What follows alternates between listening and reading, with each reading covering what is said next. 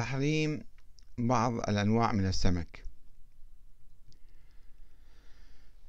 يقول الله تعالى وهو الذي سخر البحر لتأكلوا منه لحما طريا. ويقول أحل لكم صيد البحر وطعامه متاعا لكم وللسيارة وحرم عليكم صيد البر ما دمتم حرما. والآيتان هنا مطلقتان. لا تعنيان بالطبع جواز أكل كل ما يوجد في البحر من حيوانات وأسماك فبعض الأسماك سامة كما أن بعض الأسماك قد يكون صحيا أكثر من غيره وبعضها مفيدا لبعض الناس أو مضرا للبعض الآخر كما هي الحيوانات البرية. ولكن القرآن الكريم لم يحرم أي نوع من الأسماك بالخصوص كما حرمت التوراة التي ذكرت كل ما ليس له زعانف وحرشف في المياه فهو مكروه لكم مكروه يعني حرام عندهم. ومن هنا فإن عامة المسلمين لم ولا يحرمون أي نوع من الأسماك سواء كانت له حراشف فلوس يعني أو لا. ولكن الشيعة الجعفرية الاثني عشرية رووا عن الإمام محمد الباقر أنه قال كل ما له قشر من السمك أو كل ما له قشر من السمك وما ليس له قشر فلا تأكله. كما رووا عن الإمام جعفر الصادق أنه قال كان علي بالكوفة يركب بغلة رسول الله ثم يمر بسوق الحيتان فيقول لا تأكلوا ولا تبيعوا ما لم يكن له قشر من السمك. ومع أن هذين الحديثين يعتبران من أحاديث الآحاد فإنهما لم يرويا لم يروي يعني لم يروى آه لم تروى هذه الأحاديث عن رسول الله وإنما روي أحدهما عن الإمام علي والآخر عن الباقر. وقد يكونان صدرا من باب الكراهة الشخصية وليس عن تحريم إلهي إسلامي. وربما كان بتأثير يهودي ولم يصدر في الحقيقة لا عن الإمام علي ولا عن الباقر. وعلى أي حال فقد التزم الفقه الجعفري بتحريم الأسماك التي ليس لها فلس وقال وقال الشيخ المفيد يؤكل من من من صيد البحر كل ما كان له فلوس من السموك ولا يؤكل منه ما, لا فلس له. ويجتنب الجري والزمار والمرماهي من جملة السموك. ودعم المفيد فتواه هذه بحكاية أسطورية. عن تكلم بعض الأسماك والسلام على الإمام علي بإمرة المؤمنين وامتناع بعض الأسماك عن ذلك مثل الجري والزمار والمرماهي. وقال من ذلك ما رواه نقلة الأخبار.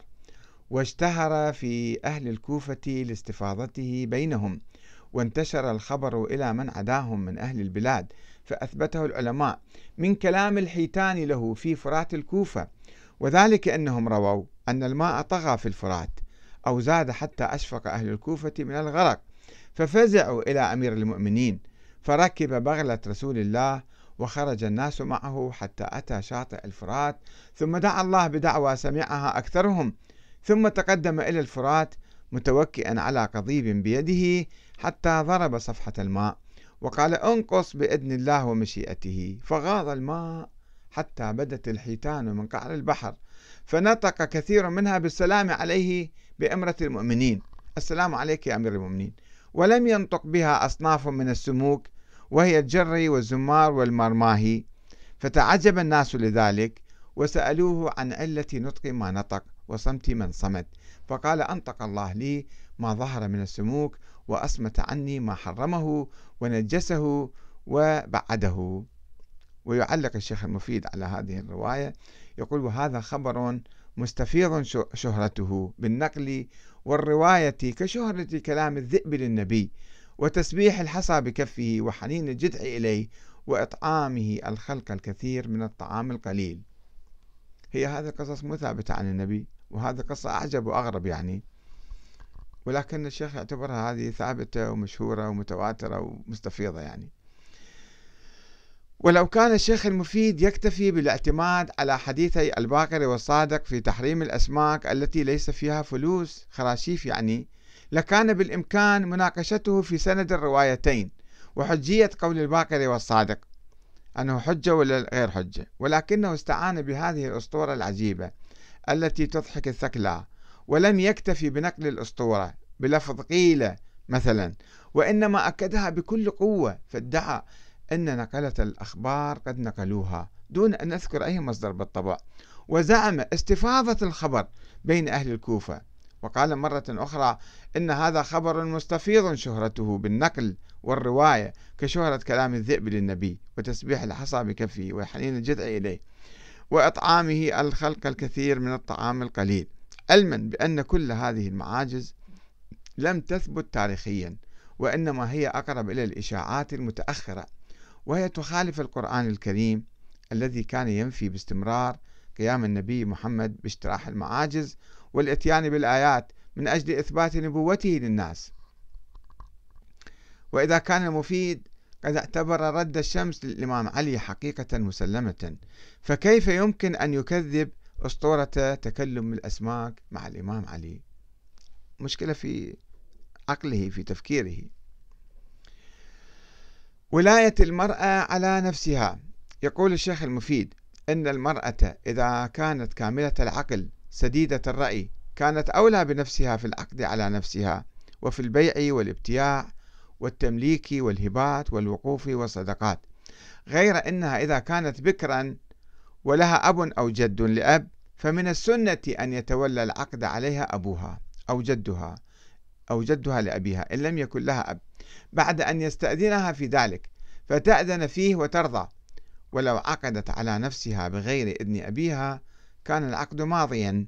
وإن أخطأت السنة في ذلك وإن كانت ثيبا وإن كانت ثيبا فلها أن تعقد على نفسها بغير إذن أبيها ولا تخطئ بذلك سنة. طبعا هذا خلاف المشهور عند أهل السنة. وكلامه ربما يكون صحيح يعني ما في مشكلة في كلامه. آه العقيدة الجبرية وبسبب من الاعتقاد من اعتماد الشيخ المفيد على أخبار الآحاد الضعيفة فقد ابتعد عن القرآن الكريم والعقل في تبني القول بوجوب الجنة لمن ينسب ولادته إلى النبي كما هو عنوان كتاب له. وفي نفس الوقت قال بعدم توفيق من قتل مؤمنا إلى التوبة. هذا خلاص ما يتوفق للتوبة. وكذلك عدم نجابة ولد الزنا. بالرغم من أن هذا ليس موضوعا فقهيا بحتا وإنما يتعلق بالآخرة إلا أن لهذا الموقف آثارا اجتماعية في العلاقة مع أبناء الزنا والمجرمين والمجرمين السابقين التائبين والنظر إليهم نظرة سلبية. وقد قال المفيد فأما القول في من استحل دماء المؤمنين وقتل منهم مؤمنا على الاستحلال فإن العقل لا يمنع من توبته وقبول التوبة منه لكن السمع ورد عن الصادقين أو الصادقين من أئمة الهدى أنه من فعل ذلك لم يوفق للتوبة أبدا ولم يتب على الوجه الذي يسقط عنه العقاب به مختارا لذلك غير مجبر ولا مضطر. كما ورد الخبر عنهم أن ولد الزنا لا ينجب ولا يختار عند بلوغه الإيمان على الحقيقة وإن أظهره على كل حال. وإنما يظهره على الشك فيه والنفاق دون الاعتماد دون الاعتقاد له على الإيقان. وعلى هذا القول إجماع الفقهاء من أهل الإمامة ورواة الحديث منهم والآثار. ولم أجد لمتكلميهم فيه مقالا حكيما في جملة الأقوال. وأخيرا التداوي بطين قبر الحسين. وتبعا لمنهج الشيخ المفيد الأخباري. وإيمانه بكل ما يرد إليه من أحاديث عن الباقر والصادق فقد ذكر في كتاب المزار موضوع التداوي بطين قبر الحسين وروى في عدة أبواب باب 62 63 64 65 باب فضل طين قبر الحسين. عن أبي عبد الله عليه السلام قال في طين قبر الحسين الشفاء من كل داء وهو الدواء الأكبر ولو أن مريضا من المؤمنين يعرف حق أبي عبد الله الحسين وحرمته وولايته أخذ له من طين قبر الحسين مثل رأس الأنملة. كان له دواء وطين قبر الحسين فيه شفاء وإن أخذ على رأس ميل. ومن أصابته علة فتداوى من طين قبر الحسين شفاه الله من تلك العلة إلا أن تكون علة السام يعني الموت. وحنكوا أولادكم بتربة الحسين فإنها أمان. وطين قبر الحسين من عند القبر سبعين باعا في سبعين باعا. وإن الله خلق آدم من الطين فحرم الطين على ولده. يحرم على الناس أكل لحومهم.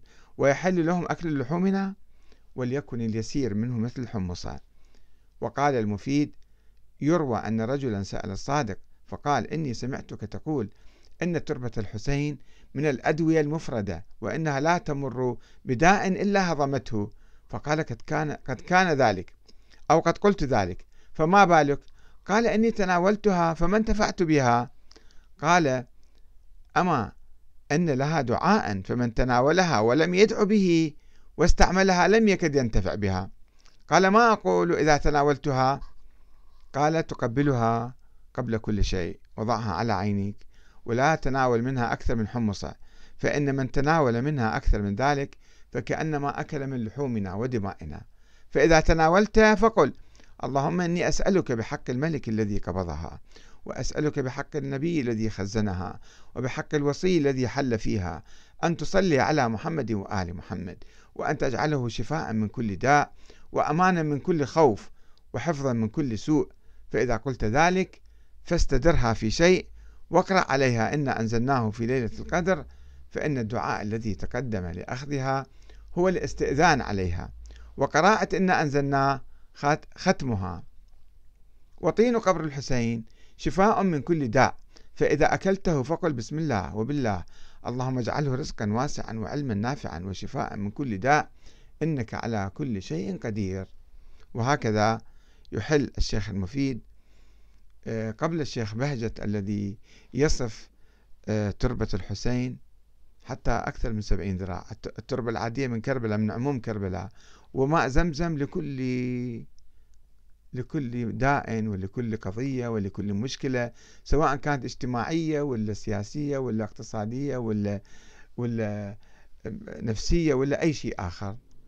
ومع الأسف الشديد هذا كله يبتنى على أحاديث أخبار أحاد باطلة وغير صحيحة. والسلام عليكم ورحمة الله وبركاته.